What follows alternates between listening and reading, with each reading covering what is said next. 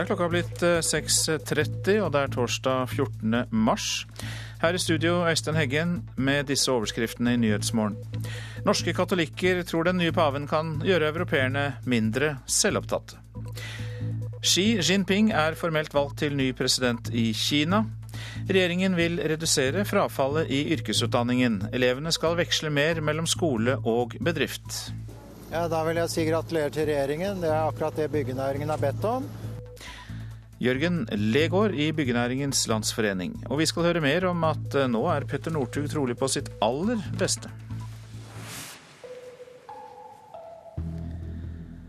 Den eh, nye paven kan være med å gjøre europeerne mindre selvopptatte, tror søster Ragnhild Bjelland ved Santa Catarina-hjemmet. I går ble det kjent at den nye paven er fra Argentina, og er den første ikke-europeiske paven noensinne. Ved Santa Carina-hjemmet i Oslo var det stor spenning før den nye paven ble presentert.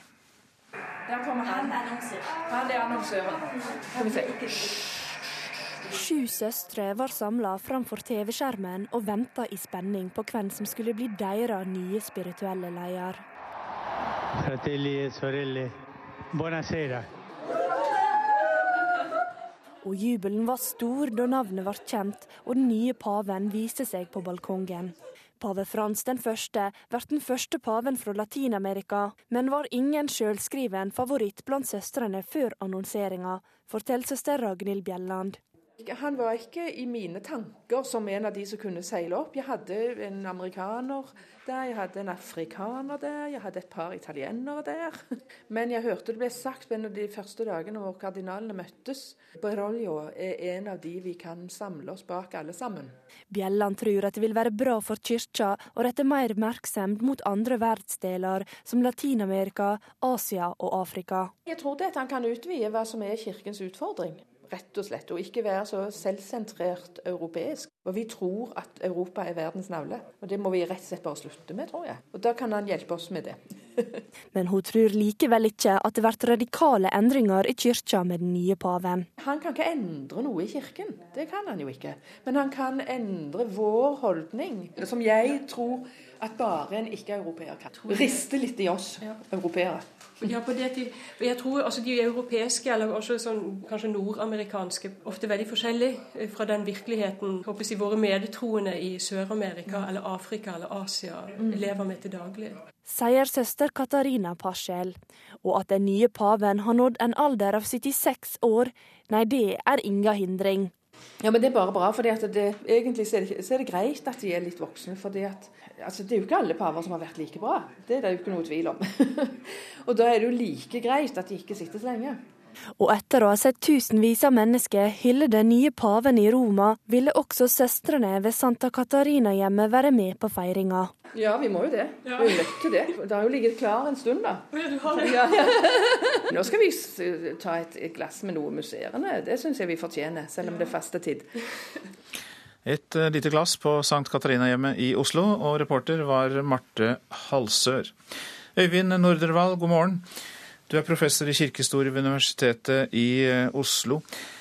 Ja, hva vet du om eh, Jorge Mario Berglioli, altså Frans, den nye paven? Eh, han var jo et ikke-navn på forhånd. Eh, men det som har sivet ut, det var jo at han faktisk var en sterk utfordrer da eh, Benedikt den 16. ble valgt. Har det kommet fra Vatikanet da i, i senere tid. Eh, det overraskende i dette valget, det var jo at man var på eh, Det var helt åpent. Det sto mellom Europa Mange ville ha en italiensk pave igjen. Det sto mellom Afrika og Latin-Amerika. Og det var da det siste som seiret. Eh, kanskje han fikk støtten fra Italia fordi at han hadde eh, italiensk bakgrunn. Kan man forvente endringer, nytenkning, fra Frans?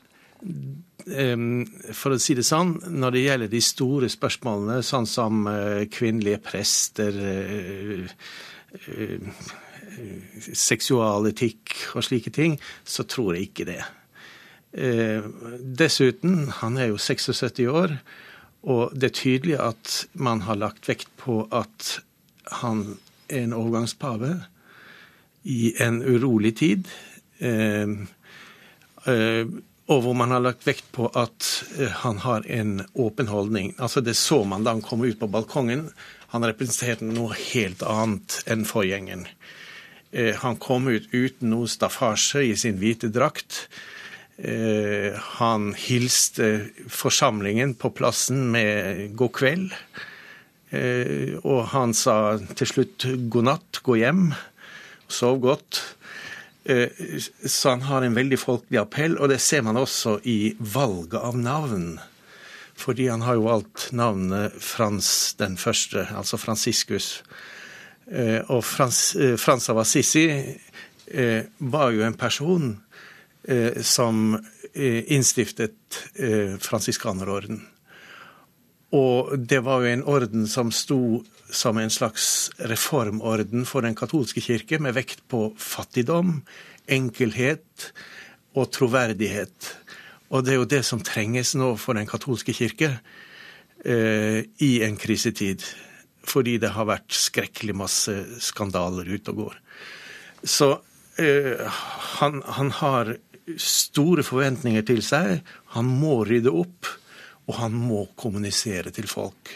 Og dette så vi i går. Det var en mann med eh, troverdighet. Og eh, ikke minst humor også, der han fremsto. Og ganske, ganske ulik sin forgjenger. Ja, han uh, sa jo til og med at uh, konklave hadde nesten dratt til verdens ende for å finne en ny pave, nemlig på andre siden av verden, helt til Argentina. Så litt, litt selvironi var det også plass til uh, i den nye pavens hilsen til folket på Petersplassen. Takk skal du ha, Øyvind Nordvall, som er professor i kirkehistorie ved Universitetet i Oslo. Vi skal fortsette å snakke om nyvalgte ledere, men av eh, en helt annen type og et helt annet sted. Xi Jinping er formelt valgt til ny president i Kina. 59 år gamle Xi etterfølger Hu Jintao. Asia-korrespondent eh, Anders Magnus i Beijing. Navnet på den nye presidenten har vært kjent lenge, men hva var det som brakte ham til makten? Det var eh, pussig nok Eh, en eh, utvelging som ikke er så veldig forskjellig fra den måten man velger paver. Det var tidligere, altså det var i fjor at partiets toppledere kom sammen og diskuterte. Det har de for så vidt holdt på med noen år. men da de skulle ta en endelig beslutning, så er det altså en liten gruppe mennesker, omtrent som kardinaler, som da bestemmer hvem som skal bli den nye sjefen for kommunistpartiet. Eh, og så, eh, når han da er valgt eh, eller utpekt som leder i kommunistpartiet, så vil han da velges i det såkalte parlamentet, folkekongressen, i mars året etterpå. Det er det som har skjedd i dag. Der har det vært 2000, eh, eller nei, nesten 3000 delegater som har stemt eh, for ham. Han var jo selvfølgelig eneste kandidat. Det var én som stemte imot. Noen spøker med at det var ham selv. Og så var det tre som var avholdende.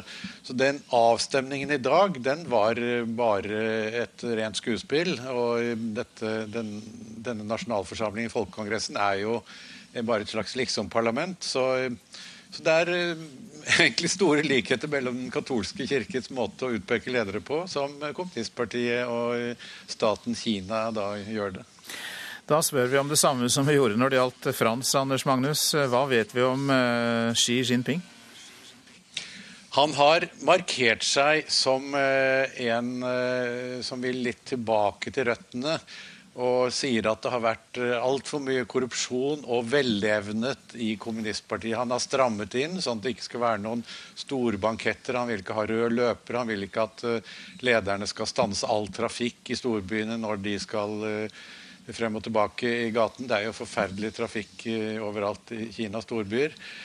Og Mange har kanskje tolket dette som et tegn på at han er mer liberal. Men det tror jeg ikke man skal gjøre. Han har holdt en hemmelig tale for eh, partiledere da han var på reise i sørlige delen av Kina for en stund siden. Og da sa han at eh, Kinas eh, kommunistparti måtte først og fremst lære av Sovjetunionens kollaps, og hvor, hvordan et, dette flotte sovjetiske kommunistpartiet ble knust. Og han sier at Kinas kommunistparti må nå vende tilbake til tradisjonell leninistisk disiplin for at partiet i det hele tatt skal overleve. Og Det er jo nok også grunnen til at han ser at uh, han må føre en kamp mot korrupsjonen for å hindre at partiet blir så fullstendig upopulært at uh, det blir en økning i folkelig opprør uh, mot partiets styre her i Kina. Mange takk skal du ha, Asia-korrespondent Anders Magnus. Så skal vi se på det avisene skriver. Overraskelsen lyder Aftenpostens oppslag om pavevalget. Argentinske Frans kan gi den katolske kirken en mer ydmyk profil, mener kommentatorer. Er og blir bergenser, lyder oppslaget om eh, Nathan i Bergensavisen. Vi drømmer om et trygt liv, sier faren hans, Asfav Estete, etter tingrettsdommen om at utvisningsvedtaket ikke var gyldig. Stjernesmell for Trond Giske, skriver Dagens Næringsliv. Bare fem av over 1000 hoteller deltar i stjerneklassifiseringen som næringsministeren innførte. Nå kan ordningen bli avviklet. Advokat fikk 4,1 millioner kroner i erstatning, skriver Nordlys. Asbjørn Krantz mistet praksisen, ble venneløs og ruinert etter feilaktig å ha blitt siktet for narkotikakriminalitet. Krantz mener politiet ødelegger helsa til straffeforfulgte. Seks av ti unge får hjelp til bolig fra foreldrene, kan vi lese i Adresseavisen, og 20% av de unge benytter seg av startlån, viser nye tall. Steffen Ekeren forteller om sju års mobbing på skolen som han ikke kan tilgi, skriver Bergenstidene. Mange mobbeofre får depresjoner som varer resten av livet, sier professor Dan Olveus. Døende lider unødvendig, sier overlege Stig Ottesen ved Kreftsenteret i Oslo til Dagsavisen.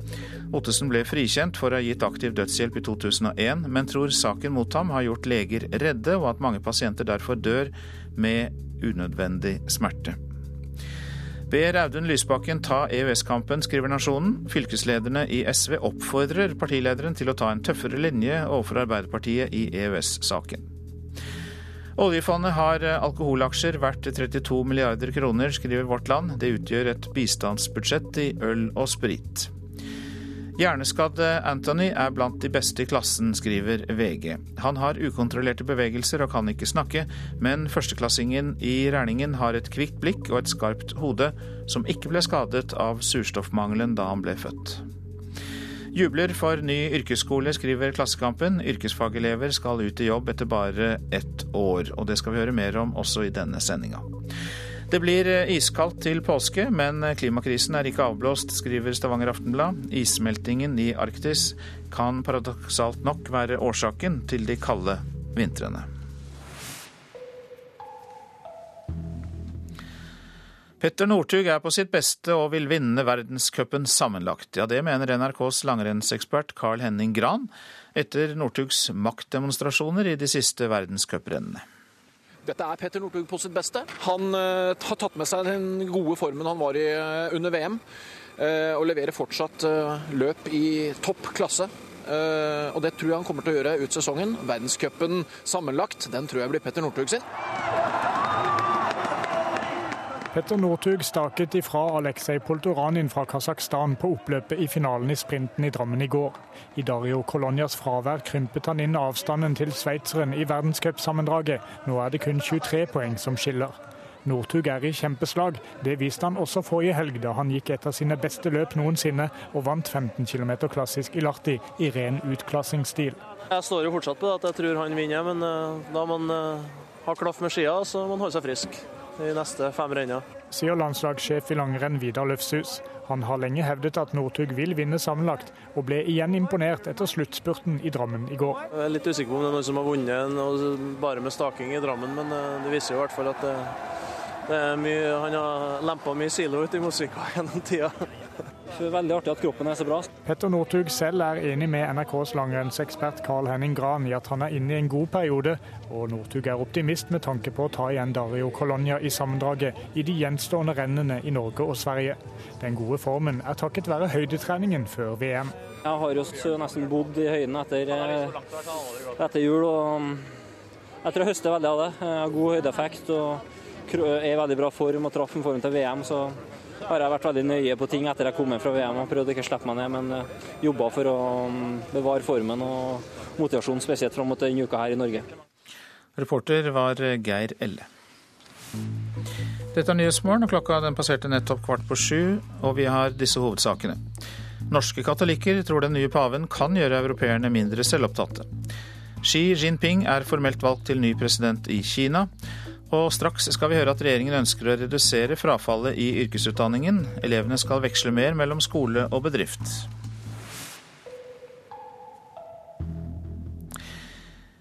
Ja, regjeringen legger altså om yrkesutdanningen i den videregående skolen. Går bort fra kravet om at elevene skal gå to år på skole først, og deretter to år i lære. Nå skal elevene veksle mer mellom skole og bedrift, og det skal få ned frafallet. Den store utfordringen som yrkesfagutdanningen har hatt, det er at for mange elever ikke fullfører og tar eh, fagbrev. Vi har et stort frafall, og mange sier at det er fordi at vi ikke har en god nok veksling mellom teori og praksis. Så legger vi først bord over. Det er slike som 16 år gamle Petter Erlandsen det er snakk om. Da NRK traff tømrereleven på et tak i vinter, var han med på et prøveprosjekt med veksling mellom skole og bedrift. Mattelæreren kommer og spør oss om matterelaterte spørsmål mens vi står og bygger, og nå veit jeg hvorfor jeg regner det ut. Og hvorfor svaret må være riktig, så blir huset feil. Men andre som tar yrkesutdanning i videregående skole i dag, har det ikke slik, sier Senterpartiets skolepolitiker Anne Tingelstad Wøien. Hovedløpet skal jo være to år i skole og to år i lære. Og da har vi tenkt at det skal passe liksom alle sammen. Og det gjør det ikke. Sammen med kunnskapsministeren presenterer hun hovedendringer som kommer når regjeringa legger fram ei stortingsmelding om videregående skole i morgen. Vi eh, ser for oss at man har bedre innslag av læring i bedrift allerede første året.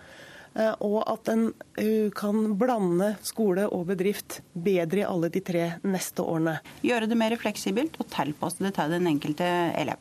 Ideen om å få til mer veksling mellom skolebenk og læring på en arbeidsplass står sterkt blant mange for tida. Både utdanningsorganisasjonene og organisasjonene i arbeidslivet er for.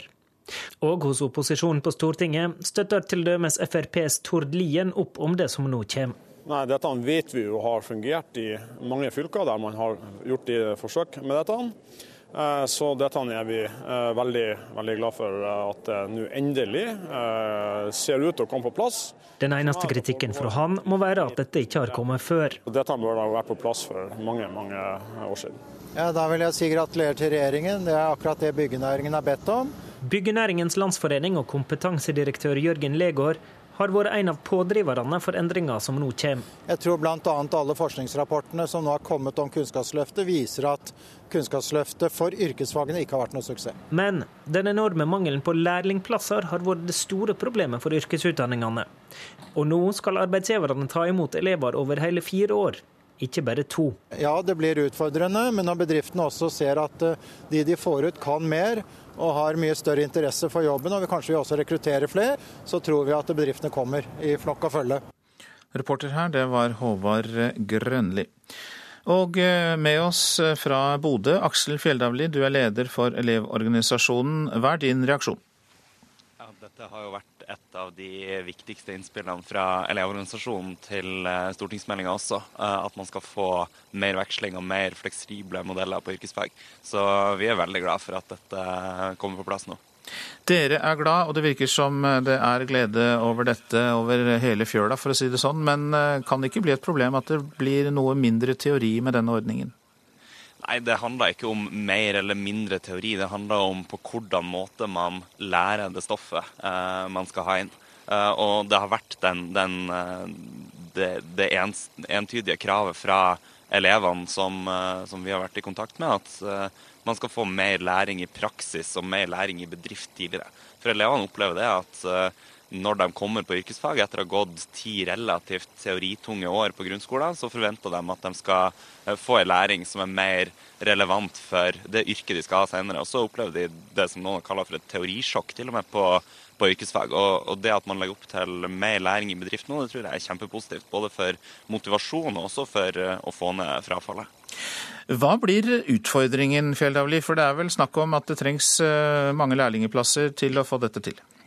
Ja, det er klart at det, det, Den store utfordringa i yrkesopplæringa er det å få nok eh, plasser ute i, i bedriftene og få, få, bedriftene til å ta det ansvaret de har også. Men eh, jeg tror at for, eh, for, for, mange bedrifter så er det min, en mindre forpliktelse å ta inn en elev kanskje eh, noen ganger i måneden eh, over to år, enn det å forplikte seg til å ta den inn som Uh, som lærling over, uh, over, uh, over, to år etter den har vært ute i skolen. Så jeg tror at dette kan bidra til at flere bedrifter får, får teste ut elevene og se om det er noen ting de, de tør å forplikte seg til å, til å ta de, de, fulle fire årene. Så jeg, jeg, jeg, tror det kan bidra positivt der også. Mm. Til slutt, Aksel Fjerdavli. Kommer det til å bidra til å få ned frafallet i skolen? Jeg, jeg, tror det vil være naivt å tro at det her løser uh, utfordringene med frafall. Uh, det tror jeg Man må ta tak i utfordringene med uh, styrking av rådgivningstjenesten, flere læreplasser, og så styrke opplæringa gjennom hele det 13-årige løpet for å ta tak i det. Og jeg er spent på de andre tiltakene som kommer i stortingsmeldinga også. Men jeg, tror nok at dette kan være et tiltak som bidrar til, bidrar til mer motivasjon og få ned frafallet på yrkesfag der man har de største utfordringene. Aksel Fjellavlim, takk skal du ha. Du er leder for eh, Elevorganisasjonen. Lørdag kaster 17 000 seg på skiene fra Arena til Lillehammer i det 76. Birkenrennet. Og med så mange på startstreken, så er det enda flere bananer og enda mer eh, vann og flere pakker med kjeks som skal konsumeres. Nei, det vi ser er at eh, antall liter vann f.eks. som vi bruker i løpet av disse her skiarrangementene er 42 000 liter. Vi deler ut 9000 appelsiner og 15 000 bananer. Informasjonsansvarlig for Birkebeinerrennet, Ingunn Rønning Kleven, har mye å holde styr på før startskuddet går på lørdag. Haugen med mat og drikke som skal deles ut, er enorm. Nei, Det er større enn et hus. Det er som en lager, eh, lagerbygning, egentlig. Det er også 100 000 kjeks, 2000 liter cola og 1500 kilo råsaft som skal konsumeres. Eller nærmere bestemt 10 tonn mat og drikke som skal slukes. De mengda vi har her, det er for hele Birkebein skifestival da, fra søndagen eh, som vi starta med Halvbirken, Ungdomsbirken og Valmbirken, og til og med rennet nå på lørdag. Og det de fleste løperne er mest opptatt av, er gull. Dog ikke i edelt metall. Nei, jeg har jo hørt enkelte som sier at de, eh, det viktigste for dem er å rekke i mål før det blir tomt for potetgull. Så chips i mål er kanskje den aller viktigste. Det deles ut 20 000 poser av disse.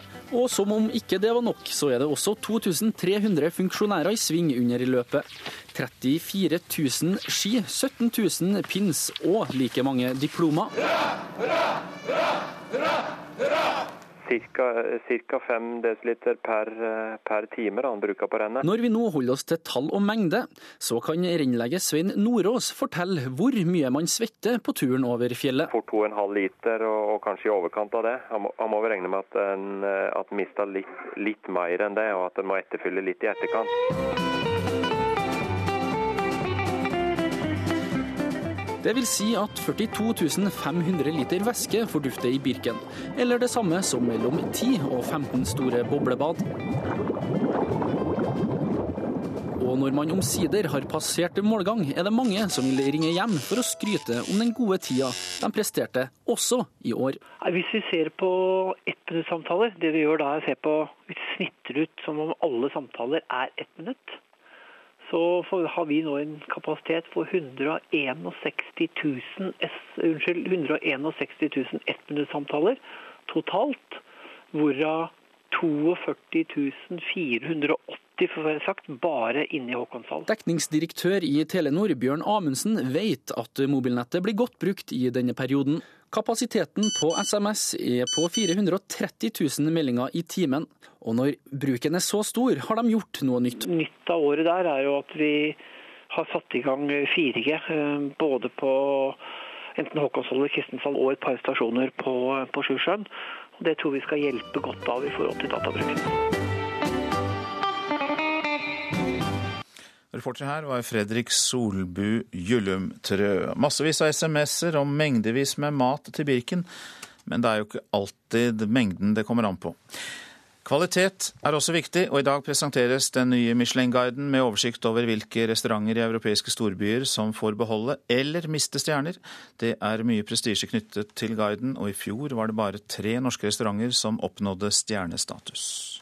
Vi er team, akkurat som Rosenborg på sitt beste var med i Champion League i kvartfinalen, så er vi i kokkenes Champion League.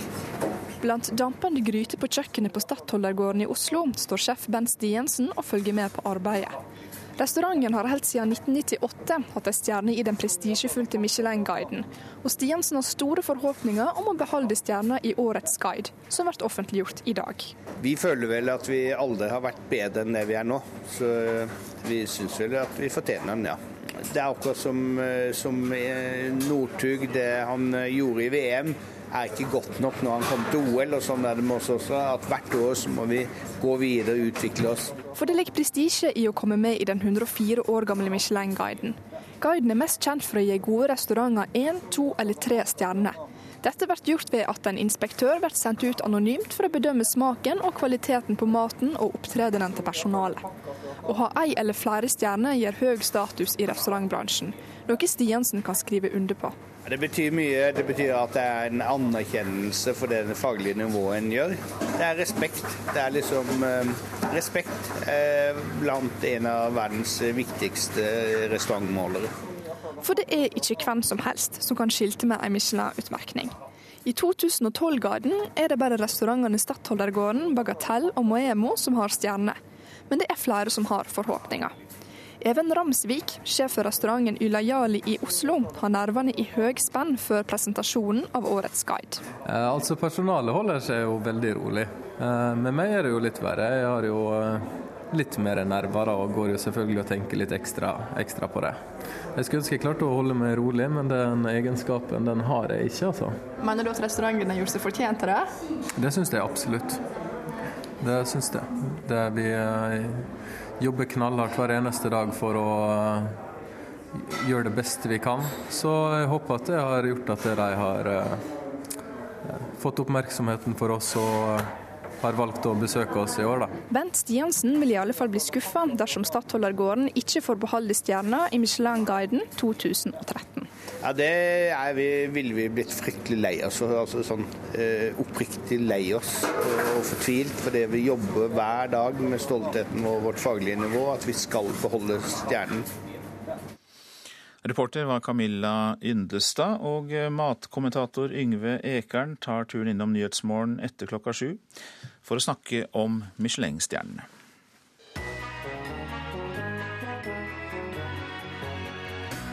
Gudfaren innen easy listening, trompetistenes sjuende far i huset og et renessansemenneske. Sånn blir den verdenskjente musikeren Herb Alpert beskrevet. Han er nemlig også en anerkjent skulptør, maler og vellykka businessmann som gir bort millioner av kroner til fattige kunstskoler. Radioselskapet har forelska seg i Herb Alpert og snakker om det klokka 11 i P2. Her i Nyhetsmorgen skal vi snakke litt om været. Fjellet i Sør-Norge, Østlandet og Telemark ser vi samlet. Lettskyet, pent vær, ganske enkelt. Agder får pent vær, fra i ettermiddag noe til skyene. Rogaland og Hordaland utrygt for snøbyger i ytre strøk, ellers til dels pent, i kveld liten kuling. Sogn og Fjordane enkelte snøbyger i indre Sogn, opphold og noe sol. Møre og Romsdal og Trøndelag enkelte snøbyger på kysten, ellers til dels pent vær, fra i ettermiddag liten kuling. Så var det Nordland, snøbyger. Troms, enkelte snøbyger. Finnmark, opphold og noe sol, men enkelte snøbyger på kysten i Øst-Finnmark. Nordensjøland på Spitsbergen, oppholdsvær. Temperaturene som ble målt klokka fire, og nå er det minusgrader over hele landet igjen. Svalbard lufthavn minus 16, Kirkenes minus 18, Vardø minus 9, Alta minus 19, Tromsø-Langnes minus 7. Bodø minus 8, Brønnøysund minus 6, Trondheim-Værnes minus 16, Molde minus 3, Bergen-Flesland minus 4, Stavanger minus 7, Kristiansand-Kjevik minus 11 grader. Gardermoen minus 18, Lillehammer minus 14, Røros minus 22 og Oslo-Blindern hadde minus 14 grader da klokka var fire i natt. Du lytter til Nyhetsmorgen, mer om bl.a. pavevalg og habilitet etter at klokka er sju.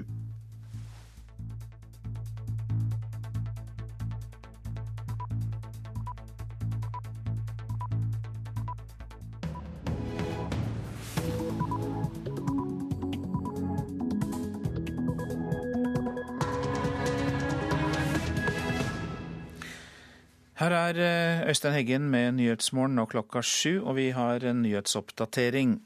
Katolikker verden over hyller den nye paven. Han kan eh, være med på å gjøre europeerne mindre selvopptatte, tror søster Ragnhild Bjelland ved Sankta Katarina-hjemmet.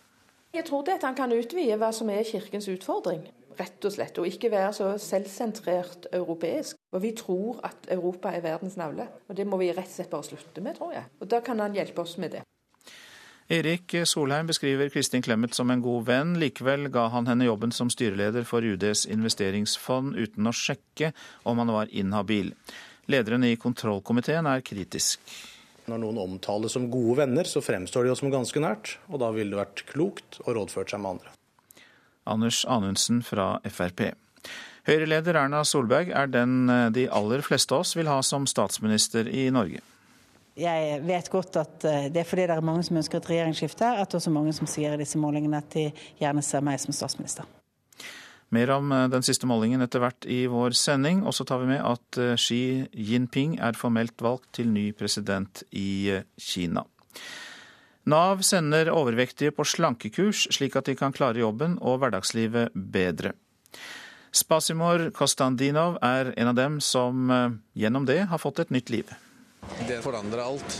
Absolutt alt. Sånn, den kunnskap som jeg har fått der, det hjelper meg så mye i dagliglivet. Så nå er jeg helt ny i livet. Jeg er absolutt ny menneske. Den katolske kirke fikk ny pave i går. Korrespondent Hege Moe Eriksen, du er i Roma fortsatt. Og hvilke reaksjoner har du fanget opp der? Ja, dette pavevalget overskygger alt her i Roma. Avisene diskuterer hver minste detalj ved gårsdagens uh, hendelse. Alt fra den nye pavens uh, det som sies å være hans ydmyke opptreden på balkongen i Peterskirken, til det overraskende navnet Frans den første, til betydningen av hva det vil si at man nå har fått en pave fra utenfor Europa. Folk her i Roma er veldig glade, og de er veldig overrasket. Det er ingen tvil om at det er mange som har blitt overveldet over gårsdagens valg. Det var jo ikke ventet at det var Jorge Bergoglio som ville bli valgt.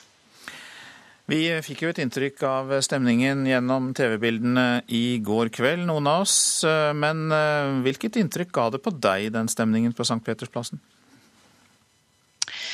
Ja, det er helt klart at Dette var et veldig viktig øyeblikk for uh, tusenvis av mennesker som uh, var møtt fram på Petersplassen i går. Først så var det jo full forvirring da navnet på den nye paven ble lest opp.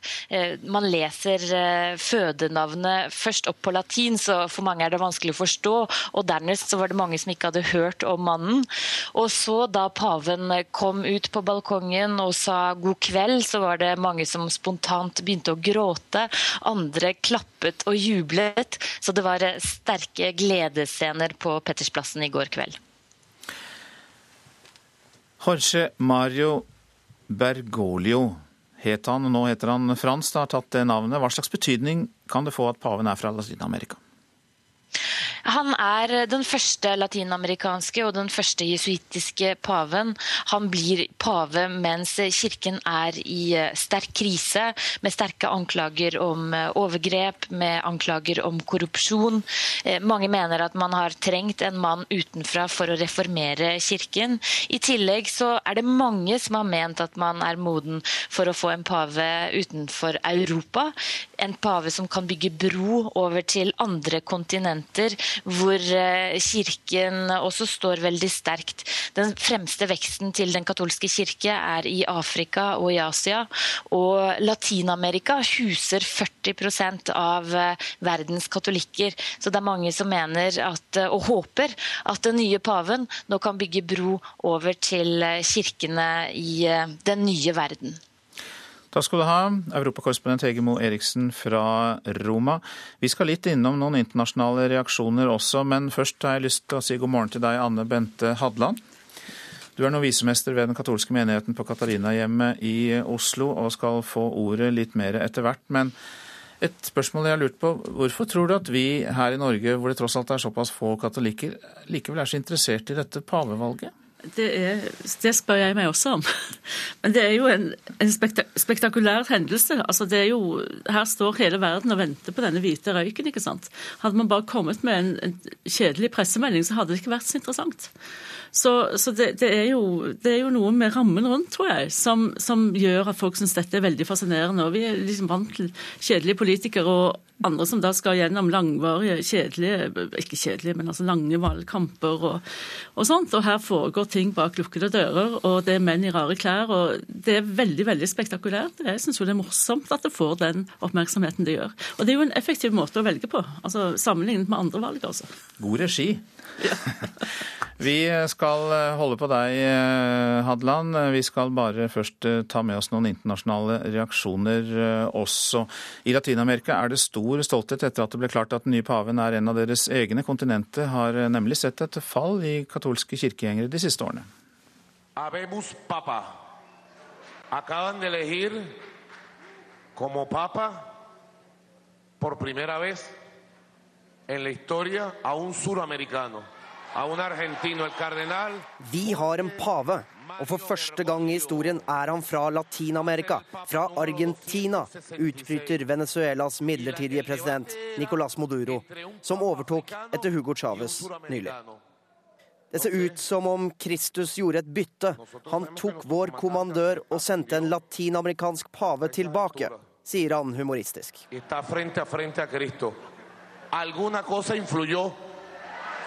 Para que se convoque a un papa suramericano.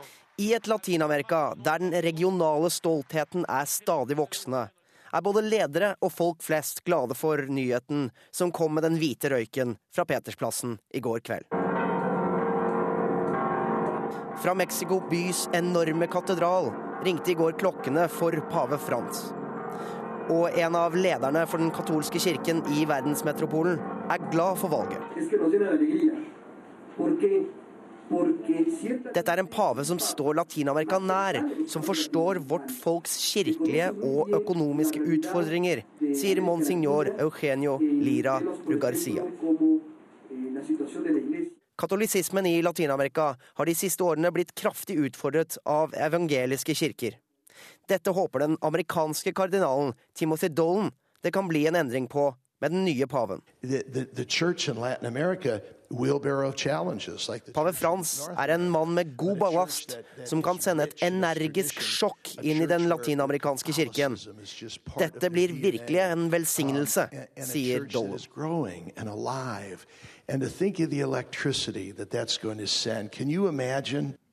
Reporter Stig Arild Pettersen. Ja, Anne Bente Hadland, tror du dette kan bli et energisk sjokk inn i kirken? Eh, det vil jo tiden vise. Jeg eh, må jo si Da jeg så ham i går kveld eh, stige ut på balkongen, så var det ikke det som slo meg først.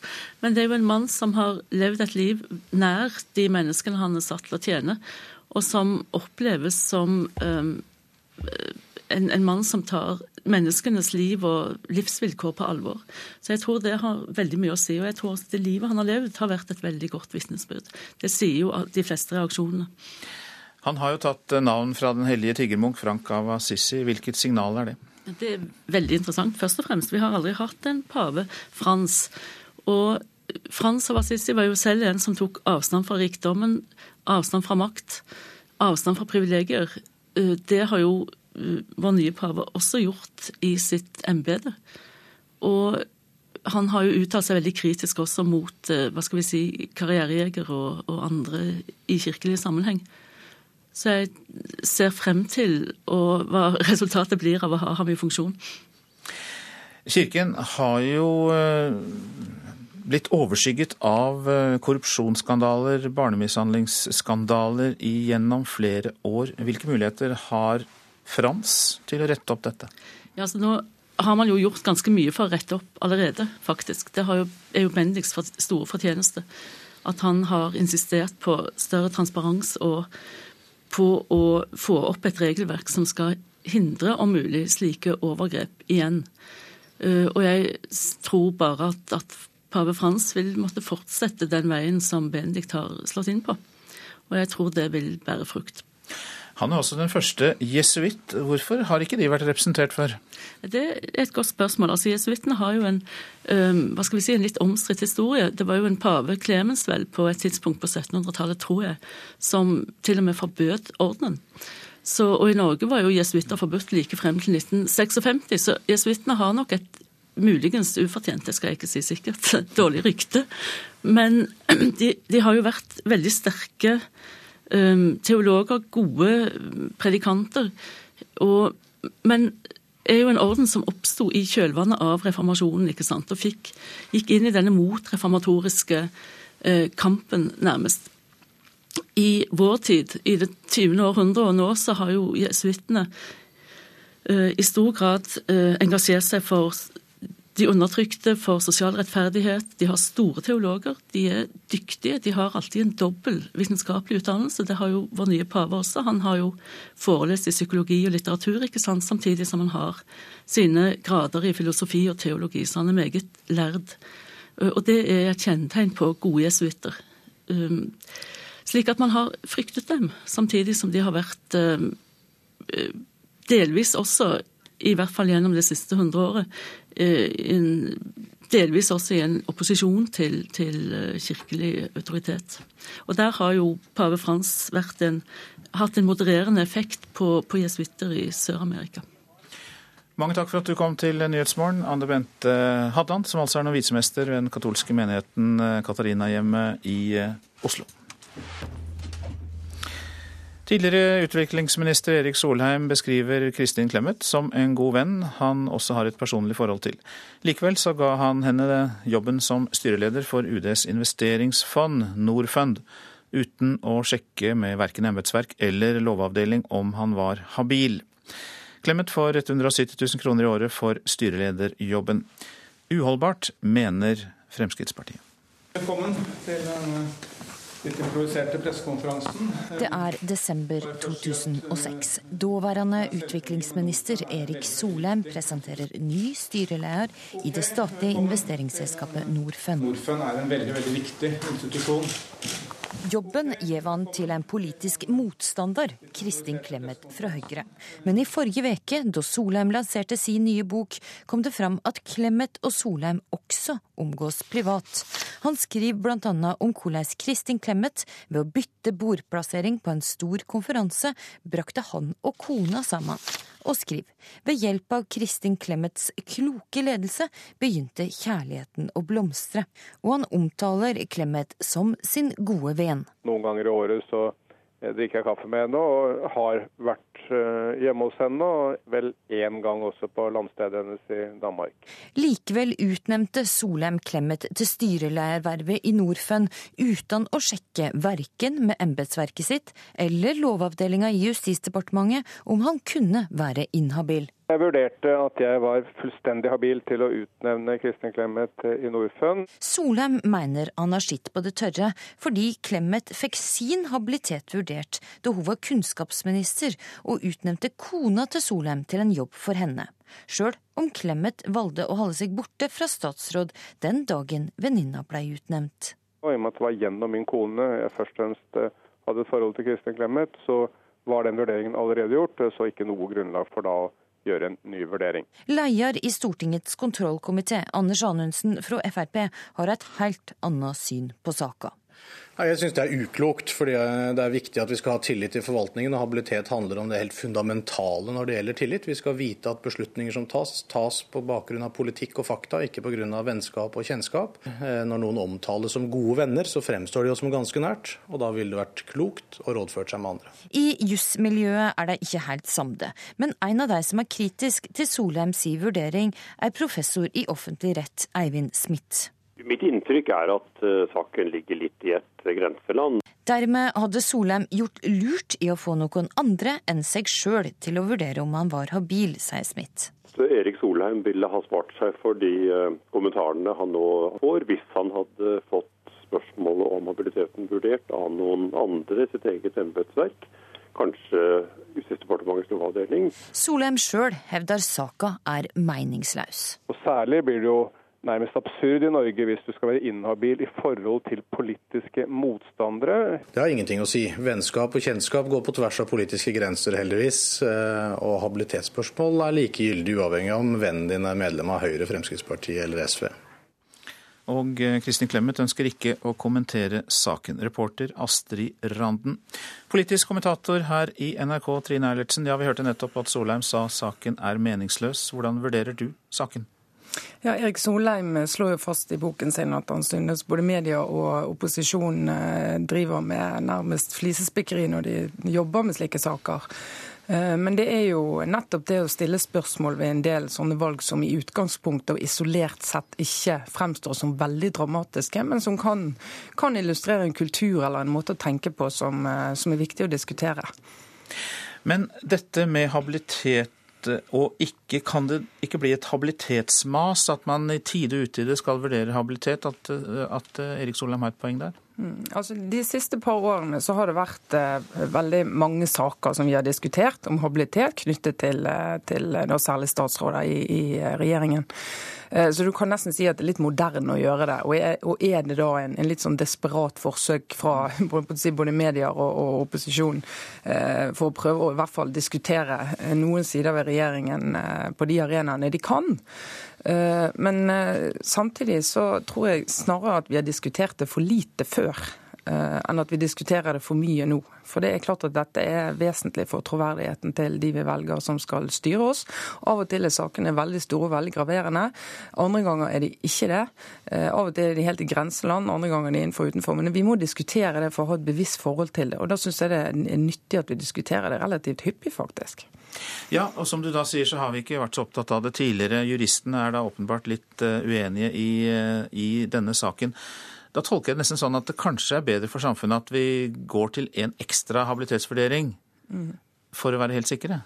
Ja, det, det, det, som, det, fremstår som det at det hadde vært nyttig også for politikerne hvis vi hadde diskutert måten dette skjer på.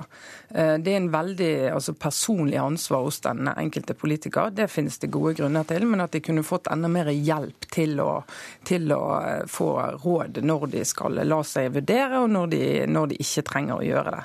Eh, for det er klart det er ganske det er ganske kjedelig for alle at det går to, tre, fire, fem år, og så tenker du jeg kunne jo bare fått, fått vurdert den habiliteten. Så hadde jeg sluppet dette. Så litt, en annen måte å gjøre det på, en litt mer uavhengig måte å vurdere dette på. Det kan hende politikerne hadde vært mer eh, beroliget av det også.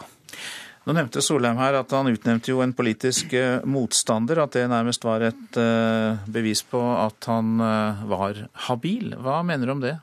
Ja, Det syns jeg er irrelevant, for det kommer jo helt an på hva type posisjon eh, dette er. Vi kan jo se for oss, hvis vi tar den helt ut, at en eh, statsråd utnevner en, eh, en nær venn til et eh, styreverv som er veldig lukrativt, eh, og at de, det er en fra en annen parti som kanskje ikke politisk aktiv, men som åpenbart har glede av det. Eh, og, og da, da, må vi kunne diskutere altså økonomisk interesse i det, like mye som politisk interesse i det. Og Det er to forskjellige typer interesser kan det være i, i sånne utnevnelser. Påvirker dette regjeringen nå? Altså, Han er gått av som statsråd, så det blir ingen stor sak nå. og Saken er heller ikke veldig eh, alvorlig i, i, den forstand. Men det er klart at alle disse sakene til sammen og i sum skaper et bilde av eh, enkelte statsråder som har problemer med å se utover sin egen adressebok når de skal utnevne mennesker i, i uh, viktige posisjoner. Og jeg tror For mange rundt i Norge så er det litt rart at vi, at vi ikke kan gå utover Oslo-gryten Oslo når vi skal uh, besette viktige posisjoner. Takk for den kommentaren fra deg, Trine Eilertsen, som altså er politisk kommentator her i eh, NRK. Vi fortsetter med politikk, for Høyre-leder Erna Solberg ligger knepent foran Jens Stoltenberg som statsministerfavoritt. Det viser en meningsmåling Norstat har utført for NRK. 43% av de spurte vil eh, helst ha Solberg som statsminister etter valget til høsten. Det er jo hyggelig å høre, sier Erna Solberg. I NRKs siste statsministermålinger har det vært omtrent dødt løp. Men nå i mars ligger hun altså et hestehode foran Stoltenberg. 2,7 prosentpoeng foran, for å være helt nøyaktig. Jeg vet godt at eh, det er fordi det er mange som ønsker et regjeringsskifte, at også mange som sier i disse målingene at de gjerne ser meg som statsminister. Jeg tror det er viktig at vi tenker over at i Norge er det fortsatt sånn at det er politikken som teller mest og personen er litt sekundær. 40,3 vil at Jens Stoltenberg fortsetter. Det vil selvfølgelig også nestleder i Arbeiderpartiet, Helga Pedersen. Vi skal i hvert fall jobbe veldig hardt for at eh, Jens Stoltenberg blir eh, fortsatt statsminister i Norge. Og Det er ikke veldig overraskende at de her statsministermålingene også lar seg farge av de rene partimålingene. Det har vi sett gjennom mange målinger at de to tingene henger sammen. For i NRKs partibarometer for mars gikk Arbeiderpartiet tilbake til 27,1, mens Høyre gikk fram til 32% Fremskrittspartiets leder Siv Jensen er også med i statsministermålingen. Vel 7% av de spurte mener hun er den beste kandidaten. Ja, Det er en fremgang fra sist gang dere målte det, så jeg er i støtet. Og 9,5% av de spurte svarer vet ikke eller er usikre. Reportere Katrin Hellesnes og Trond Lydersen. Dette er Nyhetsmorgen. Klokka den går mot 7.21, og dette er hovedsakene. Jublende argentinere feiret ny pave i natt. Pave Frans er den første noensinne fra Latin-Amerika. Tidligere statsråd Erik Solheim får kritikk for å ha gitt styreverv til god venn uten å sjekke habiliteten først. Og eh, Kina har fått eh, ny president. Xi Jinping er nå formelt valgt til landets eh, overhode.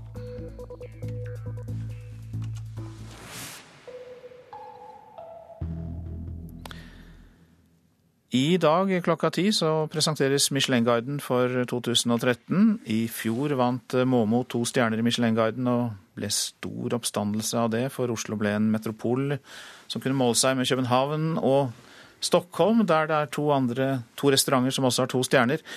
Yngve Ekern, god morgen. Du er journalist og matkommentator i Aftenposten. Og eh, hva betyr disse stjernene? Ja, Nå er det nervene i høyspenn i Restaurant-Norge, og det er en blanding av julaften og dommedag. For disse stjernene betyr veldig mye for en eh, restaurant.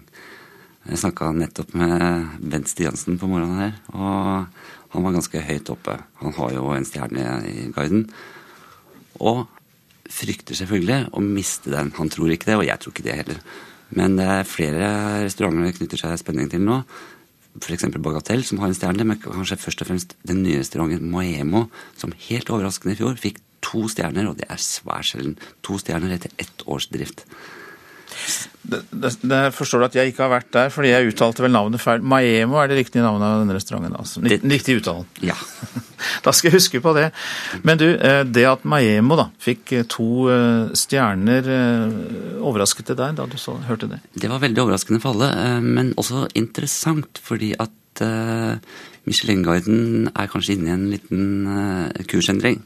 Og i og med at Maemo satser så sterkt på lokale økologiske råvarer, så kan det signalisere at, eh, at disse inspektørene er litt på vei bort fra det klassiske franske og til det litt mer moderne. Derfor er det ikke bare teknikk betyr, men også sånn Er det riktig altså å spise denne maten? Og mer sånn miljømessig hensyn også, kanskje.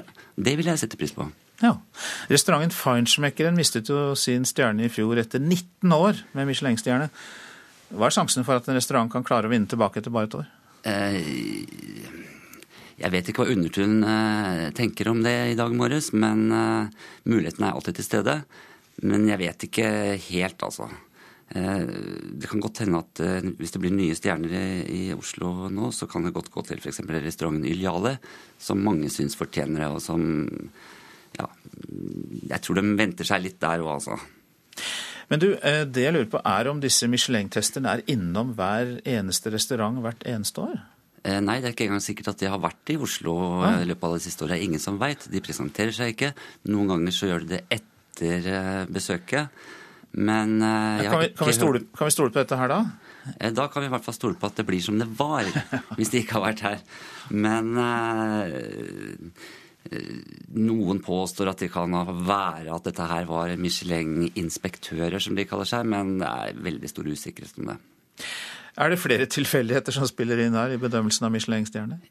I eh, Michelin-inspektørenes bedømmelse er det nok få tilfeldigheter som uh, får noen betydning. Når de først kommer, så er de grundige, altså? Da følger de et visst skjema? De kan dette her. Og eh, vet du forresten hva som er forskjellen på en tostjerners restaurant og en trestjerners restaurant? Har ikke peiling. Altså det er sånn at Enstjerners restaurant det er en eksepsjonelt god restaurant i sin klasse. To stjerner, så er det verdt en omvei å reise dit. Tre stjerner, så er det verdt en egen reise. Men på tostjerners restauranten, hvis du sitter her og mister servietten på gulvet, så kommer det løpende en kelner og legger en ny serviett på bordet med en gang. Men på en trestjerner så sier eh, servitøren i tillegg 'unnskyld'. Jeg får bare begynne å spare, sånn at jeg kan få med meg den type opplevelse, Yngve Ekern. Takk for at du kom hit i Nyhetsmorgen. Takk skal du ha. Så skal vi se litt på avisene. Ingen skriver av Michelin-stjerner på førstesiden, så vidt jeg har sett, men vi kan eh, orientere om litt andre oppslag. Overraskelsen lyder Aftenpostens om pavevalget. Argentinske Frans eh, kan gi den katolske kirken en mer ydmyk profil, mener kommentatorer. Er og blir bergenser, lyder oppslaget med Nathan i Bergensavisen. Vi drømmer om et trygt liv, sier faren hans, Esfav Estete, etter tingrettsdommen om at utvisningsvedtaket ikke var gyldig. Stjernesmell for Trond Giske, skriver Dagens Næringsliv. Bare fem av over 1000 hoteller deltar i stjerneklassifiseringen som næringsministeren har innført. Nå kan ordningen bli avviklet. Advokat fikk 4,1 millioner kroner i erstatning, skriver Nordlys. Asbjørn Krantz mistet praksisen, ble venneløs og ruinert etter feilaktig å ha blitt siktet for narkotikakriminalitet. Krantz mener politiet ødelegger helsa til de straffeforfulgte. Seks av ti unge får hjelp til bolig fra foreldrene, kan vi lese i Adresseavisen. Og 20% av de unge benytter seg av startlån, viser nye tall. Steffen Ekeren forteller om sju års mobbing på skolen som han ikke kan tilgi. Det skriver Bergens Tidende om i dag. Mange mobbeofre får depresjoner som varer resten av livet, sier professor Dan Olveus. Døende lider unødvendig, sier overlege Stig Ottesen ved Kreftsenteret i Oslo til Dagsavisen. Ottesen ble frikjent for å ha gitt aktiv dødshjelp i 2001, men tror saken mot ham har gjort leger redde, og at mange pasienter derfor dør med unødvendig smerte.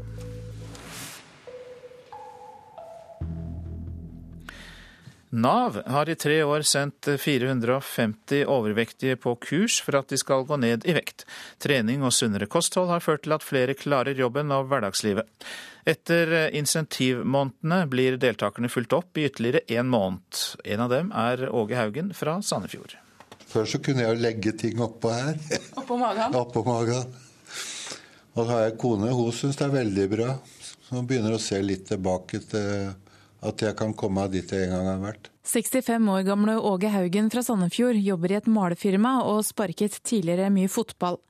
De siste åra gikk han opp i vekt og bestemte seg for å gjøre noe. Så hvis jeg skal ha noe glede av å reise, for jeg liker å reise, kona mi og jeg, og da må vi, måtte jeg gjøre noe, og det har jeg fått det rette kicket til. Det har gitt meg her. og nå er jeg så positiv og så mye energi bare etter to måneder at eh, jeg pleiper litt på at når et par år er gått nå, hvis jeg fortsetter, så må du leite etter meg. Spasemir Kostadinov møter jeg i refleksgul arbeidsbukse. Arbeidsklærne har blitt altfor store etter at han startet på overvekstprosjektet i november. Den kunnskap som jeg har fått der, det, det, meste, det, er, det, hjelper meg så mye i dagliglivet. Sånn er jeg helt ny i livet. Jeg er absolutt ny menneske. Flere som var 100% sykemeldte, er nå 100% friske og jobber etter å ha startet på prosjektet, forteller Kari Fredriksen i Phoenix. Eller de kommer inn med 20% arbeidsaktivitet hos en arbeidsgiver, og etter kort tid er oppe på 100 igjen. Men det er også folk som har slutta her, som ikke har fullført. Hvorfor har de ikke det? Det er eh, alltid mange utfordringer gjerne i et, i et, liv når man ikke er helt på plass der man vil. Det er en del psykisk helse. Det ser vi.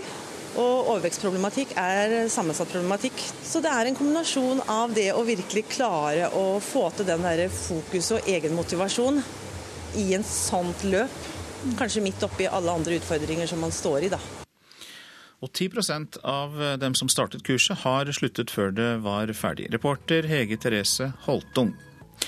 Prosent for Nyhetsmorgen denne dagen er Kari Bekken Larsen. Her i studio, Øystein Heggen.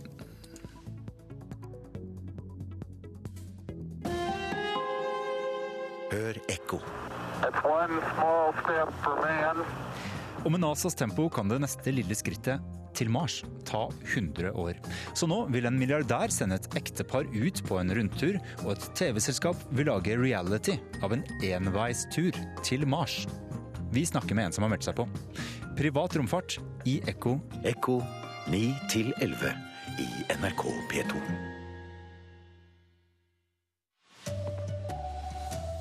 Norske katolikker har store forventninger til den nye paven. Tidligere statsråd Erik Solheim ga styreverv til god venn uten å sjekke habilitet. Og yrkesutdanningene blir endret for å få flere til å bli på skolen. Riktig god morgen, her er NRK Dagsnytt klokken 7.30. Verdens katolikker har altså fått et nytt overhode. For første gang er paven en amerikaner, og det skjer etter et pavevalg som gikk raskere enn ventet. Med oss nå korrespondent Hegemo Eriksen i Roma. Hvordan er reaksjonene på den nye paven? Ja, dette er et valg som har overrasket og overveldet mange.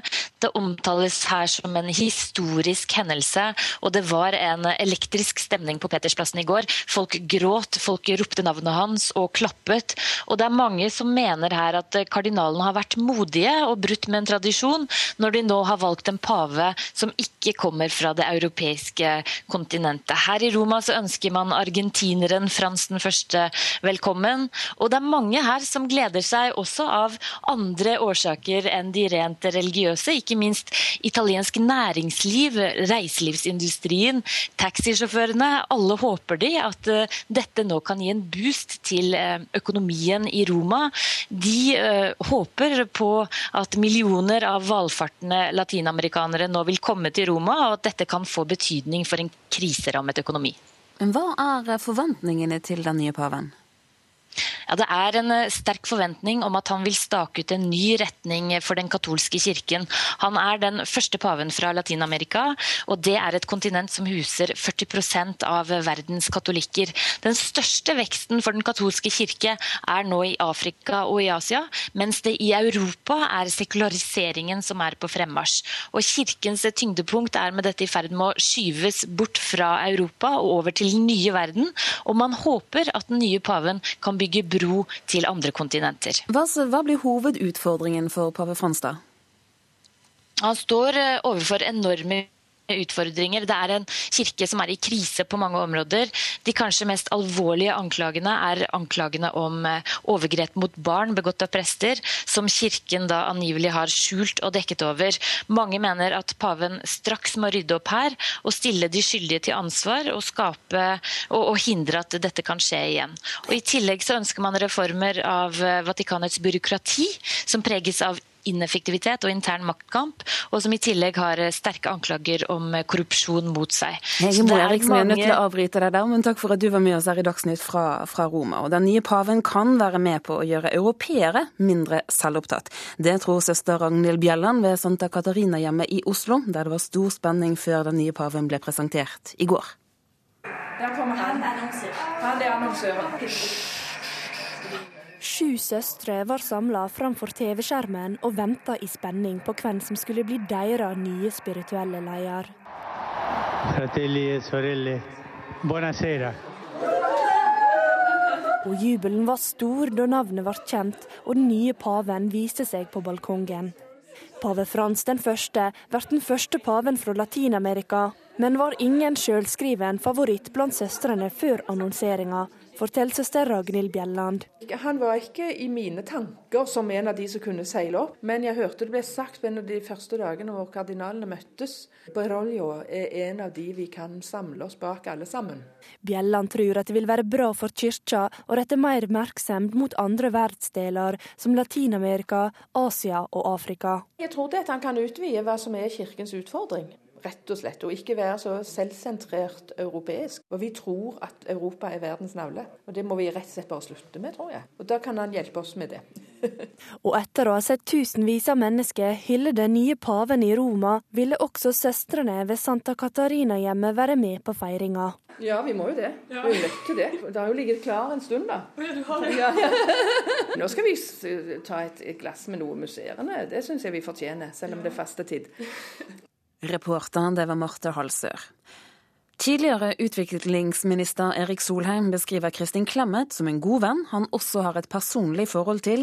Likevel ga han henne jobben som styreleder for UDs investeringsfond Norfund, uten å sjekke med verken embetsverk eller Lovavdelingen om han var habil.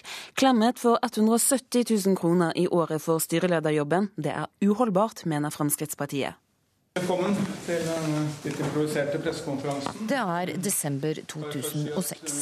Daværende utviklingsminister Erik Solheim presenterer ny styreleder i det statlige investeringsselskapet Norfund. Norfund er en veldig veldig viktig institusjon. Jobben gir han til Kristin Clemet fra Høyre. Men det få veit, er at de to omgås også privat. I den nye boka til Solheim omtaler han Clemet som sin gode venn. Noen ganger i året så drikker jeg kaffe med henne og har vært eh, hjemme hos henne. Og vel én gang også på landstedet hennes i Danmark. Likevel sjekker ikke Solheim, verken med sitt eget embetsverk eller med lovavdelinga i Justisdepartementet, om han kunne være inhabil.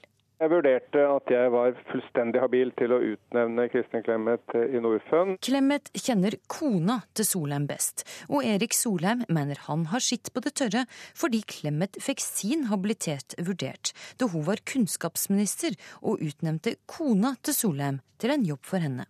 Leder i Stortingets kontrollkomité Anders Anundsen fra Frp mener ikke dette er godt nok. Jeg syns det er uklokt. Vi skal vite at beslutninger som tas, tas på bakgrunn av politikk og fakta, ikke pga. vennskap og kjennskap. Professor i offentlig rett Eivind Smith mener også Solheim hadde gjort lurt i å få noen andre enn han sjøl til å vurdere sin habilitet.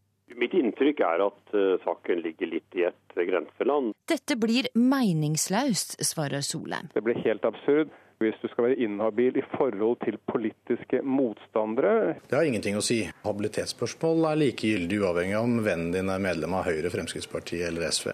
Det sa Anders Anundsen. Kristin Clemet ønsker ikke å kommentere saken, men det blir debatt i Politisk kvarter i P2 om litt. Reporter var Astrid Randen. Regjeringen håper å få ned frafallet i videregående skole ved å endre yrkesutdanningene. De rød-grønne går nå bort fra prinsippet om at elever skal gå to år på skole først, og så i lære. Nå skal elevene få veksle mer mellom skolebenken og bedrift gjennom alle årene. Den store utfordringen som yrkesfagutdanningen har hatt, det er at for mange elever ikke fullfører og tar eh, fagbrev. Vi har et stort frafall. Så legger vi først bord over. Det er slike som 16 år gamle Petter Erlandsen det er snakk om. Da NRK traff tømrereleven på et tak i vinter, var han med på et prøveprosjekt med veksling mellom skole og bedrift. Mattelæreren kommer og spør oss om matterelaterte spørsmål mens vi står og bygger, og nå veit jeg hvorfor jeg regner det ut. Og hvorfor svaret må være riktig, så blir huset feil. Men andre som tar yrkesutdanning i videregående skole i dag, har det ikke slik, sier Senterpartiets skolepolitiker Anne Tingelstad Wøien. Hovedløpet skal jo være to år i skole og to år i lære. Og da har vi tenkt at det skal passe liksom alle sammen. Og det gjør det ikke. Sammen med kunnskapsministeren presenterer hun hovedendringer som kommer når regjeringa legger fram ei stortingsmelding om videregående skole i morgen. Bedre innslag av læring i bedrift allerede første året. Eh, og at en eh, kan blande skole og bedrift bedre i alle de tre neste årene. Det er akkurat det byggenæringen har bedt om. Byggenæringens landsforening og kompetansedirektør Jørgen Legård har vært en av pådriverne for endringa som nå kommer. Men den enorme mangelen på lærlingplasser har vært det store problemet for yrkesutdanningene. Og nå skal arbeidsgiverne ta imot elever over hele fire år ikke bare to. Ja, det blir utfordrende, men når bedriftene også ser at eh, de de får ut kan mer og har mye større interesse for jobben, og vi kanskje også rekrutterer flere, så tror vi at bedriftene kommer. Reporter her, det var Håvard Grønli. Heidi Weng kan bli den første norske langrennsløper som vinner Tour de Ski. Det mener trenerne hennes etter at hun i går markerte seg, også i sprint, med andreplass i Drammen. Heidi er jo, Da må jeg jo ta fram sånn sky is the limit. Eh fra seg, for hun, hun, blir veldig god. og Kanskje hun er den første norske kvinnen som vinner Tour de Ski. Sier landslagssjef Vidar Løfshus. I går sto Heidi Weng på seierspallen i sprinten i Drammen, Andreplassen er hennes beste resultat i sprint. Fra før har 21-åringen vist at hun er i verdenstoppen på lengre distanser. Med en lysende fremtid som sprinter og udiskutable styrker på distanseløp, kan hun bli Tour de Ski-vinner i løpet av noen år, og kanskje til og med før veteran Marit Bjørgen, ifølge NRKs langrennsekspert Karl Henning Gran. Ja, det tror jeg faktisk at Heidi kan eh, slå. Altså, Heidi kan kanskje bli vår første Tour de Ski-vinner, ja. Jo, det sier mye, og det betyr veldig mye. og I tillegg til satsing i Tour de Ski, og jeg kan vite det at jeg faktisk kan gjøre det veldig bra sprint, det er, det er bonus. Det sa til slutt Heidi Weng, og reporter her, det var Geir Elle. Ansvarlig for eh, denne sendingen fra Dagsnytt var Erlend Rønneberg, teknisk ansvarlig Per Ivar Nordahl, og her i studio Turi Grønbøk. Nyhetsmorgen lytter du til. I Chile spilte mediene en nøkkelrolle under militærkuppet for snart 40 år siden. Det sier en av landets mest kjente journalister, Fernando Villagran. Og Chiles mektigste medieleder forsvarer fortsatt kuppet og diktaturet, sier Villagran. Ha pasado el tiempo y el mercurio Chiles og Latin-Amerikas eldste avishus El Mercurio blir hyllet i en TV-reportasje under Pinochet-regimet på 1970-tallet. Og regimet har mye å takke den mektige avisen for. For det var El Mercurio og dens eier Augustin Edwards som ledet propagandakrigen mot Salvador Allendes regjering etter at den kom til makten i Chile.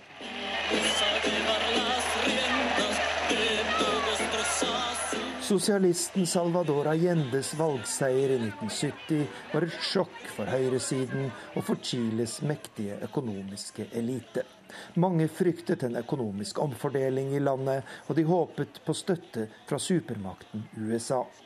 I denne situasjonen gjorde avismagnaten Augustin Edwards en spesiell reise til den amerikanske hovedstaden. Den tidligere Chile-korrespondenten for Washington Post, John Dinges, forteller. Augustin Edwards siguiente a Washington. Rett etter Allendes valgseier dro Augustin Edwards til Washington. Der møtte han sine gode kontakter i Nixon-administrasjonen, og han fikk en oppvartning som bare statsledere kan håpe på. Denne chilenske privatmannen og aviseieren fikk direkte tilgang til USAs utenriksminister Henry Kissinger, og vi vet i dag at de drøftet hvordan Allende-regjeringen kunne styrtes, om nødvendig med militærmakt, sier John Dinges. Historien om aviseieren Augustin Edwards og hans rolle på 1970-tallet blir fortalt i dokumentarprogrammet El Diario de Augustin, Augustins dagbok. Filmen er laget av noen av Chiles fremste journalister i samarbeid med journaliststudenter i Santiago, og hensikten er å vise dagens unge hva som skjedde den gang, sier en av de to redaktørene, Fernando Villagran. Agustín Edwards, que es un personaje emblemático en la historia de la Augustin Edwards har spilt en sentral rolle i det chilenske samfunnet de siste 50 år. Og selv om han var militærregimets kanskje viktigste støttespiller, er han fortsatt berømt og beundret i vide kretser her i landet. Han gir fortsatt åpen støtte til kuppet og militærregimet, og han tar på ingen måte selvkritikk for den rollen han og avisen El Mercurio spilte. Det sier det meste om den stemningen som rår her i landet snart 40 år etter militærkuppet, sier den kjente journalisten.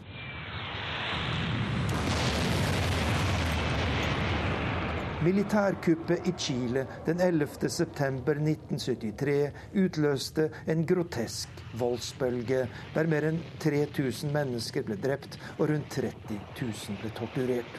Det var et godt forberedt kupp der alle midler ble tatt i bruk for å svekke regjeringen og skape hat mot Salvador Allende og hans politikk. Men Chiles største avis forsvarer altså den dag i dag sin rolle, og den har fortsatt makt til å hindre fri informasjon om det som skjedde, sier journalisten Fernando Villagran. Arnt Stefansen rapporterte fra Chile. Dette er Nyhetsmorgen, og vi har disse hovedsakene. Katolikker over hele verden hyller den nye latinamerikanske paven. Frans kan bidra til å gjøre europeerne mindre selvopptatte, tror norske katolikker. Høyre-leder Erna Solberg er den de aller fleste av oss vil ha som statsminister i Norge, viser ny meningsmåling. Og Kina har fått ny president. Xi Jinping er nå formelt valgt til landets overhode. Kvart på åtte betyr Politisk kvarter, i dag om asyl og habilitet. Programleder Sigrid Solund. Hva kan Nathan-dommen få å si for andre asylbarn, og burde Erik Solheim sjekket om han sto for nær Kristin Clemet da han ga henne et viktig styreverv?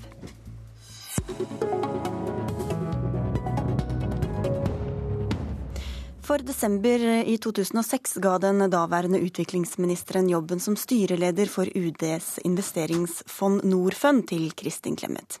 I boka som Erik Solheim nettopp ga ut, beskriver han Clemet som en god venn. Men han fikk ingen andre til å vurdere habiliteten sin. Hva syns du om det, Øyvind Vaksdal fra Fremskrittspartiet, du sitter i kontrollkomiteen på Stortinget? Jeg syns absolutt han burde fått uh, vurdert sin habilitet. For hvis det er riktig det som ble sitert, at han var en god venn eller nær venn av Kristin Clemet, så burde han rådføre seg først og fremst med sitt eget embetsverk, eller eh, aller helst eh, konsultert Justisdepartementets lovavdeling for å rydde vekk enhver tvil om det ene eller andre. Erik Solheim, du er med oss eh, fra Paris. Hvorfor vurderte du bare selv at du var habil til å gi henne den styrelederjobben? Fordi Justisdepartementets lovavdeling allerede hadde vurdert denne habiliteten. Eh, det var jo, Kristin Clemet var jo først og fremst en venn av min kone, Gry Ulverud. Hun bidro til at vi ble kjent med hverandre. for Hun arrangerte i sin tid en konferanse i Næringslivets hovedorganisasjon hvor jeg traff Gry. Eh, og kjærligheten har blomstret siden, siden, den gangen. Men det var altså de som først og fremst kjente hverandre. Og seinere ble min kone ansatt i Kunnskapsdepartementet. Eh, og da fikk Kristin Clemet vurdert om hun var inhabil i forhold til Gry. Og det var hun ikke. Og når Kristin ikke var inhabil i forhold til Gry, så var det aldeles opplagt at jeg ikke kunne være inhabil i forhold til Kristin Clemet, i og med at det var et mye nærere forhold mellom Gry og Kristin enn hva det noen gang var mellom Kristin og meg. Men hvis det allerede hadde vært grunn til å be om habilitet den gangen, hvorfor eh, gjorde ikke du det også for sikkerhets skyld? Fordi det allerede var gjort, og det gir ingen mening å belaste embetsverk og byråkrati med stadig nye oppgaver av dette slaget. Vi må skille her mellom begrepet nær venn, som jeg bruker i boka, for det, det handler om normal, normal menneskelig språkbruk, slik alle mennesker i Norge bruker. Jeg er veldig stolt av venner i Høyre og Kristelig Folkeparti. Eh, for den var også i Fremskrittspartiet. Jeg arbeidet intenst for at Kristin Clemet skulle få avløsning som statsråd. Hun arbeidet like intenst for at jeg skulle, og den rød-grønne regjeringen eh, skulle få sparken. Men det at Norge er et samfunn hvor vi kjenner hverandre på tvers av partiskillene, det er noe av det som gjør Norge til et veldig veldig godt samfunn. Vi, må ikke, vi må ikke gi opp dette. Hvor godt kjenner du Kristin Clemet? Eh, vi møtes noen få ganger i året, diskuterer venner og til dels krangler også om politikk. Jeg har veldig stor respekt for henne, men hun er en av Norges aller beste politikere. Men hun er jo ikke av mine tre-fire nærmeste venner. Og habilitet, slik det alltid har vært definert i Norge, det dreier seg om dine søsken, dine foreldre, om du har økonomisk interesse av en sak, altså du kan tjene penger på det selv.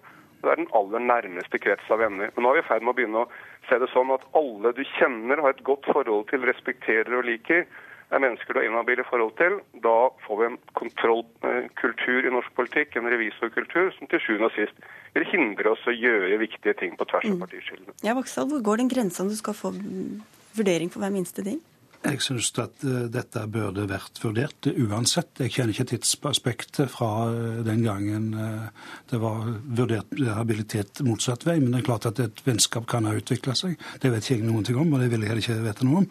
Men uh, dette dreier seg om å ha tillit til at det avgjørelser blir tatt på bakgrunn av de fakta som foreligger, ikke på bakgrunn av vennskap og kjennskap. Og da er det bedre å sjekke habiliteten en gang for mye, en gang for lite. Men dere beskylder den rød-grønne regjeringen for å utnevne sine egne. Hvordan stemmer den oppnevnelsen av en tidligere Høyre-statsråd med den eh, beskrivelsen? Dette er rent prinsipielt, at vi skal ha tillit uansett politisk fage. Så, så, dette har ingenting med partipolitikk å gjøre i det hele tatt. Dette har med prinsipper at en skal være mest mulig habil og mest mulig uhilda. Og, og, ikke basere sine, sine avgjørelser på vennskap og kjennskap. Og Eivind Smith, jusprofessoren Erik Solheim, sier at dette ligger i et grenseland. Hvorfor tok du ikke en ekstra runde for å slippe å sitte her i dag? Når Eivind Smith sier at det er et grenseland, så er vel det den mildeste dom han noen gang har felt over en, en slik eh, beslutning. Jeg, si jeg, jeg tror det er viktig at vi nå tar ett skritt tilbake i disse diskusjonene. og Dette er jo et hovedtema i den boka jeg akkurat har gitt, gitt ut. Vi skaper en politikk hvor politikere og embetsverket bruker nesten alltid, iallfall veldig mye tid, på å unngå det som eh, kan være eventuelt bitte, bitte små feil. Man sitter i møter, En embetsmann skrev akkurat til meg at det som virkelig gir kreditt, det er å kunne advare mot feil og advare mot at noe gjøres med en sak. fordi at hvis du gjør noe med det, så, så kan det gå galt. Vi er i ferd med å få en revisorkultur hvor vi prøver å unngå små feil, istedenfor en ingeniørkultur hvor vi prøver å bygge landet og spør politikerne våre gjør dere noen store, viktige ting for Norge og verden. Eh, bidrar til at landet blir skikkelig mye bedre? Eller sitter vi og er livredde for feil fordi kontrollkomiteen kan kaste oss over oss, Riksrevisjonen kan kaste oss over oss, media kan kaste oss over oss? En kritikk du for øvrig fikk, eh, fikk medhold fra Kristin Clemet for å framføre før jul, eh, Solheim? Ja, jeg Kristin Clemet er en politiker jeg har veldig stor respekt for, og som, og som jeg regner som en venn. Jeg regner også Kjell Magne Bondevik som en venn. Jeg har til og med folk i Fremskrittspartiet som jeg liker godt og har skrevet pent om i, i, boka, og noen av de skrev tilbake og var, var glad for det. Mm. Er ikke helt at dette noe av det som gjør Norge bra, da? At vi kan samarbeide på tvers av parti, partiskillene, og at jeg kunne utnevne en fra Høyre. og Håper inderlig at hvis Fremskrittspartiet kommer i en regjering, at de vil også utnevne folk fra SV eller Miljøpartiet De Grønne eller Arbeiderpartiet eller noen de egentlig ikke liker. Ok, Vaksdal, men til det Solheim sier om det kontrollregimet som dere da er med på å bidra til? Ja, jeg er sterkt uenig i det, og jeg kjenner heller ikke Erik Solheim igjen i, i den uh, beskrivelsen. For uh, Solheim har selv hatt mange perioder på Stortinget og sittet som en sentral person i regjeringen. Og Senest for halvannet år siden så var Solheim inne til en kontrollhøring i kontroll- og konstitusjonskomiteen. og der der ga han snarere uttrykk for at han var positiv til de feil som Riksrevisjonen hadde funnet. Den gangen var det eh, bruk av penger og bistandsmidler i FN-systemet vi satte fingeren på. Han var positiv til de feil som var funnet, og uh, ga positiv tilbakemelding at dette skulle rettes opp. Så dette er, Jeg kjenner kort og godt ikke Solheim igjen i det, det som han sier nå. Solheim. Jeg synes det er utrolig viktig at Riksrevisjonen og Stortingets kontrollkomité går etter vesentlige politiske feil. Det skulle jo bare mangle om ikke jeg som utviklingsminister skulle gått grundig etter på at hver eneste krone vi bruker i FN-systemet, blir riktig og, og, godt uh, brukt. Men jeg holder fast og har fått veldig veldig mange reaksjoner fra folk der ute som sier at de, de kjenner seg igjen i denne faren for at vi, blir, at vi kaster oss over små feil istedenfor å spørre om de store. La meg ta et eksempel hvor kontrollkomiteen var inne. Mm. Ja, Jonas Gahr Støre eh, hadde altså, utnevnt, hadde altså gitt 6 millioner kroner til et senter i Kirkenes som alle mente det skulle gis penger til. Han hadde gitt det sammen med en mann fra Fremskrittspartiet som ingen mente han var inhabil i forhold til. Likevel ble det altså en kjempesak i media i flere måneder, kontrollhøring over spørsmålet burde Jonas Gahr Støre ha undersøkt om han var inhabil i forhold til en person som ingen mente han var inhabil i forhold til. Da er vi ute på et skråplan som vil ende i en kontroll- og revisorpolitikk istedenfor en ingeniør- og bygge landet-kultur. Og Her tror jeg at Øyunn Vaksdal kanskje ikke er helt enig med deg, men eh, det var det vi rakk. Takk skal dere ha for at dere var med Politisk kvarter, eh, Erik Solheim fra Paris og Øyvind Vaksdal fra Fremskrittspartiet her i studio.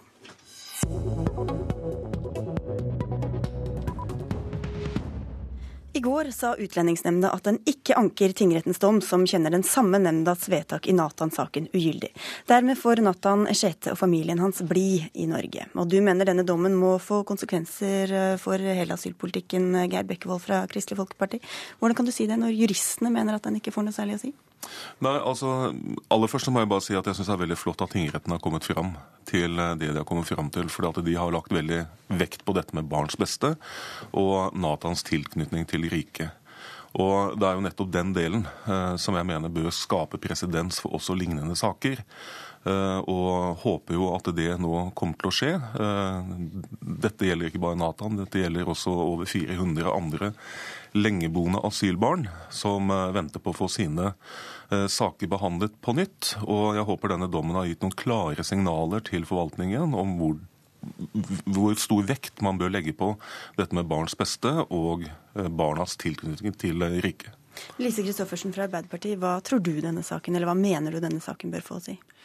Altså, Jeg syns denne saken viser at det vi har sagt hele tiden fra stortingsflertallets side, at vi har et regelverk i dag som fungerer, at denne saken viser at sånn er det. Eh, det UNE her har gjort, er at de har fulgt det som bl.a. justisminister Grete Farmo sa i Stortinget da vi behandla stortingsmelding om barn på flukt, at på et tidspunkt, til tross for innvandringsregulerende hensyn, så må likevel hensynet til barnets beste gå foran, og det har de gjort i denne saken. Og det er umulig å si at den skal gjelde for alle andre saker, for alle saker er forskjellige. Men du mener at dette viser behov for et klarere regelverk, Geir Bekkevold? Ja, det gjør jo det. i og med at uh, aller, aller Først må jeg bare si at jeg syns det er trist da, at uh, slike saker blir, uh, går så langt at de ender opp i en rettssak og i en rettssal.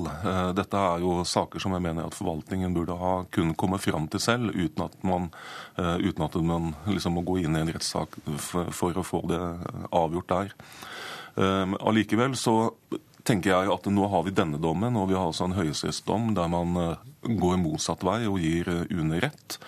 Og jeg tror folk der ute tror, oppfatter dette som veldig forvirrende. Altså, er, eh, altså, hvor skal man ligge? Og jeg tenker at Både denne dommen og høyesterettsdommen peker på oss politikere. Og jeg ønsker i hvert fall det klare regelverket fra vår side. Men hvordan kan det være et tegn på et uklart regelverk når også tingretten henviser til stortingsmeldingen om barn på flukt og sier at den viste vei, for å si det sånn? Ja, eh, tingretten gjør det i mye sterkere grad enn høyesterettsdommen gjør. Um, og um, nettopp derfor så skapes det forvirring. Altså hva er det som gjelder?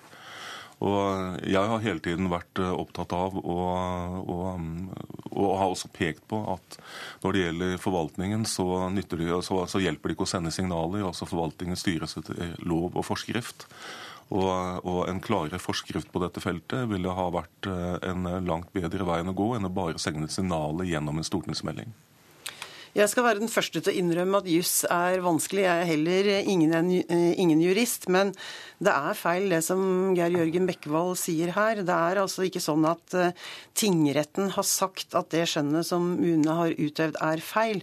Tingretten sier at det går ikke klart fram hvordan det skjønnet er utøvd. Og det er begrunnelsen for tingretten. Høyesterett sa uh, i praksis akkurat det samme. De vurderte om uh, vurderingene i UNE var forsvarlige, men de henviste også til utlendingsmyndighetenes eh, skjønn og myndighet til å utøve skjønn i disse sakene. Så jeg ser ingen motstrid mellom tingretten og Høyesterett her. Vi snakker om tre forskjellige saker, eh, og utfallet kan bli forskjellig i den enkelte sak, alt etter eh, hvordan den enkelte sak er satt sammen i sine ulike elementer. Men hva sier du om regelverket når skjønn i hvert enkelt tilfelle skal få så mye å si at ulike rettsinstanser og ulike myndigheter kan komme frem til ulike resultater? Altså, Vi har et eh, regelverk om eh, hvilke kriterier som ligger til grunn for barns eh, bestevurderinger. Da skal du vurdere om hva slags tilknytning barnet har til Norge. Det går på har barnet gått i skole, i barnehage, har det venner, deltar det i fritidsaktiviteter. En kan ta helsemessige forhold i betraktning, omsorg ved eventuell retur. Det er mange sånne elementer som er lista opp i stortingsmeldinga. Og du klarer ikke, ikke engang KrF, å lage lage et regelverk som gjør at hver eneste sak blir forutsigbar. Hver sak er unik, og det har de også krav på etter internasjonale regler, at en skal få saken sin vurdert på individuelt grunnlag. Ja, hvordan skal dere lage et regelverk Bekkevold, som er så tydelig at eh, alles skjønn vil gå i den samme retningen? Nei, altså Det er helt riktig som Lise Christoffersen sier, at um, det er eh, listet opp en rekke kriterier. Men jeg tror at vi allikevel er nødt til å diskutere uh, antall år. Eh, barn har oppholdt seg i Norge. Eh, og vi har, sammen med Venstre, eh, sagt at barn som har vært her i tre år eller lenger, da har man kommet til et punkt, til et vippepunkt, der vi mener at barns beste og tilknytning til riket må Så det skal være den magiske ja, grensen? Alt under er ikke, ja, er og alt over er greit? Det er alltid vanskelig å diskutere antall år. og, og Eh, men, men, på et eller annet tidspunkt så, så må dette vippepunktet eh, komme inn, hvor barns beste og barns tilknytning til riket må være tyngre enn innvandringsregulerende hensyn. Ja, Vi er ikke enig i det. Vi ønsker ikke å sette noen sånn fast årsregel. Fordi det kan være forhold i en sak som gjør at selv om du ikke har vært så lenge, så bør du få bli. Det kan være forhold i en sak som tilsier at selv om du har vært litt lenger enn det, så eh, bør du få avslag og returnere. Og da kan det bli flere rettssaker?